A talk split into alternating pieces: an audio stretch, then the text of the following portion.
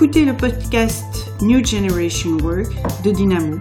Nous investissons vers l'obtention de résultats dans la création de l'environnement idéal du travail du futur. Dans ce podcast, on approfondit le contenu des thèmes, on aborde des modèles concrets et on donne également des exemples pratiques. Nous pensons que, que cela s'écrit par petites étapes. Nous réalisons régulièrement une nouvelle publication et vous pouvez vous inscrire sur iTunes. Il est également toujours possible de télécharger le résumé gratuit sur le site de Dynamo. Nous vous souhaitons une agréable écoute.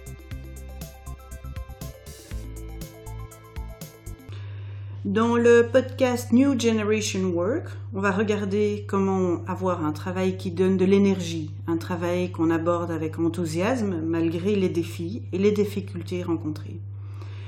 Ça pourrait paraître impossible, mais vous allez voir, Ensemble, nous découvrons des pistes. Mon nom est Catherine Christou et je vais aborder avec Thérèse Pirlet. Thérèse est coach et consultante chez Dynamo. Et je vais voir avec elle comment nous pouvons utiliser le job crafting pour être plus heureux dans son travail actuel. Lors de nos accompagnements de carrière, nous entendons souvent Mon travail me, me plaît moins qu'avant, mais je ne peux pas changer, je n'ose pas changer. Euh, je ne sais pas comment je devrais faire. Alors, nos coachés continuent malgré tout. Faut-il partir? Faut-il rester? C'est une question qu'on retrouve de plus en plus sur les lèvres, mais sans toujours avoir une réelle solution. Oui, effectivement, Catherine. Et il y a des enquêtes qui confirment en fait ce que tu viens de dire. En fait, les employés belges ne se sont jamais sentis aussi peu motivés et satisfaits au travail. Ça, c'est la conclusion d'une enquête qui a été menée en 2016 par SD Works sur la motivation au travail. Depuis 2009, SD Works questionne annuellement 2500 membres du personnel en Belgique. C'était mieux avant, c'est ce que les gens disent. C'est un cliché, d'accord, mais qui est réel quand on parle de motivation. Depuis le début de cette enquête sur la motivation, les résultats diminuent régulièrement. Et pourtant, tout employeur ou toute organisation a intérêt à avoir un employé motivé, parce qu'alors il donne le meilleur de lui-même, et son organisation est plus productive, elle est positive. Mais il semble en tout cas que les organisations ne soient pas aptes à réaliser cette transformation. Et l'employé se sent alors responsable d'assurer en tout cas les revenus euh, pour sa famille. Mais Thérèse, ce phénomène est-il nouveau? Est-ce que ça veut dire que tout le monde aujourd'hui mord sur sa chic? Non, je dirais quand même pas euh, jusque-là. En fait, on se rend compte que c'est une combinaison de plusieurs facteurs de changement en même temps. Et donc, euh, par exemple, on, on, crée maintenant une économie qui est plus importante. La concurrence, elle est plus importante euh, partout et quelque part également entre les personnes dans une organisation. Et puis il y a aussi un deuxième phénomène qu'il faut considérer. C'est important évidemment de rechercher un travail où on se sent euh, compétent, mais c'est également d'avoir un travail qui soit en accord avec ses valeurs, avec euh, ses préférences de fonctionnement au travail. C'est quelque chose exigeant de trouver un travail comme ça, mais ça en vaut la peine, parce qu'on investit parfois plus de temps dans l'organisation de ses vacances, par exemple, que dans un travail que finalement euh, on réalise tous les jours. Et puis il y a aussi un, troisième aspect qu'on peut aborder, c'est qu'une fois qu'on est installé dans sa fonction, ben, on n'est pas sûr de pouvoir ou, même de vouloir y rester. En fait, notre envie, nos goûts euh, évoluent dans le temps, même sans grand changement dans notre environnement. Et nos compétences, finalement, elles changent et elles évoluent euh, également, plus qu'avant même. Donc la question qu'on peut alors être amené à se poser, c'est bon ben que fait-on alors? L'ABC du bonheur au travail, c'est aussi un autre euh, aspect qu'on peut considérer. Euh, c'est un travail qui a été abordé par Desi et Ryan et qui ont élaboré la théorie de l'autodétermination. Et donc leurs trois facteurs, c'est l'autonomie, l'implication et la compétence qui font qu'une personne est motivée. On retrouve d'ailleurs cette approche dans le podcast sur les organisations autogouvernantes, dans le team crafting également, et on l'aborde aujourd'hui dans le cadre du job crafting d'une personne. Donc que faire si finalement l'organisation ou l'équipe ne change pas? Très bien, merci. J'observe aussi que souvent les personnes gardent leur travail pour des raisons financières. on a des remboursements de prix hypothécaires ou on doit euh, se charger de, de payer l'université de nos enfants. C'est là que commence alors parfois la difficulté. Faut-il alors partir pour trouver le job idéal? À première vue, euh, peut-être. Mais euh, finalement, ce n'est pas vraiment nécessaire a priori.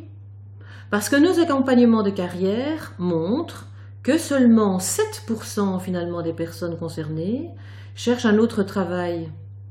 Le pourcentage qui pensait devoir le faire était bien plus élevé. Et puis il y a un autre phénomène aussi, c'est qu'il existe une industrie du bonheur qui finalement nous influence. Et dans son livre Status Anxiety, Alain de Botton écrit qu'on se rend simplement malheureux parce qu'on n'a pas la vie qu'on voudrait euh, idéalement avoir. Et le fait de rechercher ses talents peut nous rendre malheureux parce que la question d'où vient ton énergie, c'est une question à laquelle il est parfois difficile de répondre.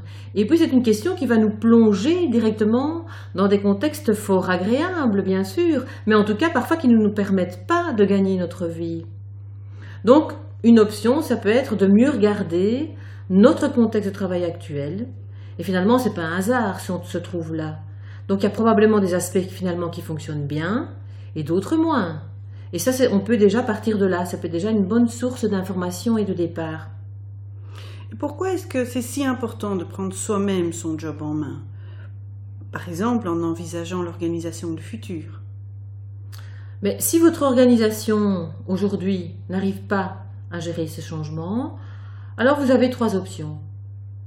Laisser tomber, partir, ou bien agir. Mais ne rien faire, ça peut vous rendre malade. Partir, ben, c'est pas toujours euh, possible, ou bien parfois vous pouvez aussi manquer d'audace alors il vous reste la possibilité d'agir. Alors ok, si on agit, qu'est-ce qu'il faut faire exactement? Et puis surtout, comment le faire? Oui, pourrais-tu m'en dire davantage sur cet aspect? Eh bien justement, je vais décliner ici les six étapes d'un travail euh, de job crafting. Alors la première étape, on analyse les tâches et on réfléchit à ces dix tâches principales. Il faut vraiment traduire ces tâches-là comme une occupation. Hein. Donc par exemple, une tâche, c'est quelque chose qui se trouve à l'agenda. Ou bien imaginons, c'est une personne qui rentre dans votre bureau et qui vous voit réaliser, faire quelque chose. Donc l'idée, c'est de noter cette tâche et de lui attribuer le pourcentage de temps qu'on lui consacre. Ça, c'est la première étape. La deuxième étape, on écrit les tâches sur des post-it. Alors les grandes tâches sur des grands post-it, les moyennes sur des moyens. Et l'idée, c'est alors d'examiner la dynamique de la tâche, c'est-à-dire par rapport à la période il y a deux ans, est-ce que cette tâche-là a augmenté? Est-ce qu'elle a diminué? Est-ce qu'elle est restée stable, constante Ou bien à la limite, est-ce que c'est une toute nouvelle tâche qui s'est ajoutée? Alors la troisième étape, eh bien on va simplement coller ces tâches sur une feuille, on analyse de plus près et puis on observe ce qui ressort. Quel lien peut-on faire? Par exemple, on voit que ce sont les grandes tâches qui restent inchangées, par exemple, et que c'est les petites qui ont augmenté, ou bien ça se peut aussi que, tout a augmenté. Là, il faut vraiment euh, se poser des questions. Hein. Là, ça demande vraiment une prise de conscience. Hein. Et puis parfois, on peut avoir le sentiment que si les petites tâches augmentent, on a plus de travail, mais quelque part, on va peut-être se rendre compte aussi que parallèlement à ça, il y a une grande tâche qui a, qui a diminué. Donc finalement, est-ce que ça ne rend pas le travail plus équilibré? Et puis on passe à l'étape 4. Et à l'étape 4, on va analyser les souhaits et les risques dans son travail. Et on fait le lien avec les tâches. Donc on va coller sur les post-it les souhaits qui reprennent de l'énergie et on va reprendre aussi les risques qui prennent de l'énergie. Et ça va nous amener petit à petit à l'étape 5. On va classer alors les tâches en cinq grandes catégories. Les tâches agréables qu'on aime faire, les tâches désagréables qu'on n'a plus vraiment envie de faire, les tâches mixtes qui sont à la fois, qui comportent à la fois des choses qu'on aime et à la fois des choses qu'on n'aime pas. Il y a les tâches vides aussi. C'est les tâches qui n'apportent finalement ni avantages ni inconvénients. Et puis, on peut aussi distinguer une cinquième catégorie, ce sont les tâches latentes. Et les tâches latentes, ça peut être une compétence, un talent, quelque chose que vous avez appris et euh, pour laquelle vous n'avez pas encore de tâches actuellement. Alors dans nos accompagnements de carrière, on va même plus loin. Et on réalise exercices comme des regroupements par thème, par exemple, ou bien pour qui on travaille, ou des choses comme ça. Et alors petit à petit, maintenant, on arrive euh, à l'étape 6. Et là, l'étape 6, on va vraiment réaliser le travail de job crafting proprement dit. On va utiliser les techniques de job crafting. Ok, donc si je comprends bien, on travaille vraiment d'abord euh, de manière approfondie sur les tâches, mais quand on passe à cette technique de job crafting, quelles sont les prises de conscience que, que l'on peut apprendre? Eh bien, il y en a plusieurs. D'abord, on prend conscience de la structure, c'est-à-dire de la grandeur des tâches et du caractère agréable ou désagréable de son, travail. Donc, par exemple, on se dit, mais finalement, mon travail me plaît en grande partie, ça c'est chouette. Ou bien, j'ai quelques tâches, c'est vrai, qui sont désagréables, mais c'est relativement raisonnable par rapport aux autres tâches que je trouve vraiment agréables. Et puis il y a encore une autre prise de conscience qu'on fait, c'est une prise de conscience des solutions, c'est-à-dire comment je vais pouvoir rendre mon travail plus agréable. Et donc, à la fin de l'exercice, finalement, j'ai plusieurs idées que je peux mettre en place directement pour mieux gérer cette tâche désagréable. Et puis, un autre avantage et une autre prise de conscience, c'est que on peut identifier les problèmes, c'est-à-dire savoir pourquoi cette tâche paraît désagréable. Hein, donc, par exemple, ce n'est vraiment pas gai que je doive m'occuper de cette tâche. Je me rends compte qu'elle est vraiment euh, désagréable, mais j'ai bien compris en fait que le problème se situe vraiment à la base, et donc qu'il y a des choses que je ne pourrais peut-être pas changer. Alors, ça aide à l'accepter dans la mesure où c'est pas toujours possible non plus de trouver euh, une solution. Ok. Ok, c'est donc un petit peu plus clair. C'est vraiment de voir la couleur, la dimension que l'on donne à son travail. Et qu'est-ce qu'on fait ensuite? En fait, alors, on peut vraiment modeler, crafter euh, les tâches. Hein. Et Dynamo a développé pour ça un jeu de job crafting. Alors, ce jeu repose en fait sur 20 techniques, 20 techniques concrètes et très utiles. Et l'idée, c'est de remodeler, de crafter une tâche désagréable ou mixte et de la rendre plus agréable grâce à une ou plusieurs techniques de job crafting. Alors, une technique de job crafting, d'où est-ce qu'elle vient? Eh bien, elle résulte de la combinaison entre une direction de crafting et un type de crafting. Alors, je m'explique. une direction, c'est compliqué.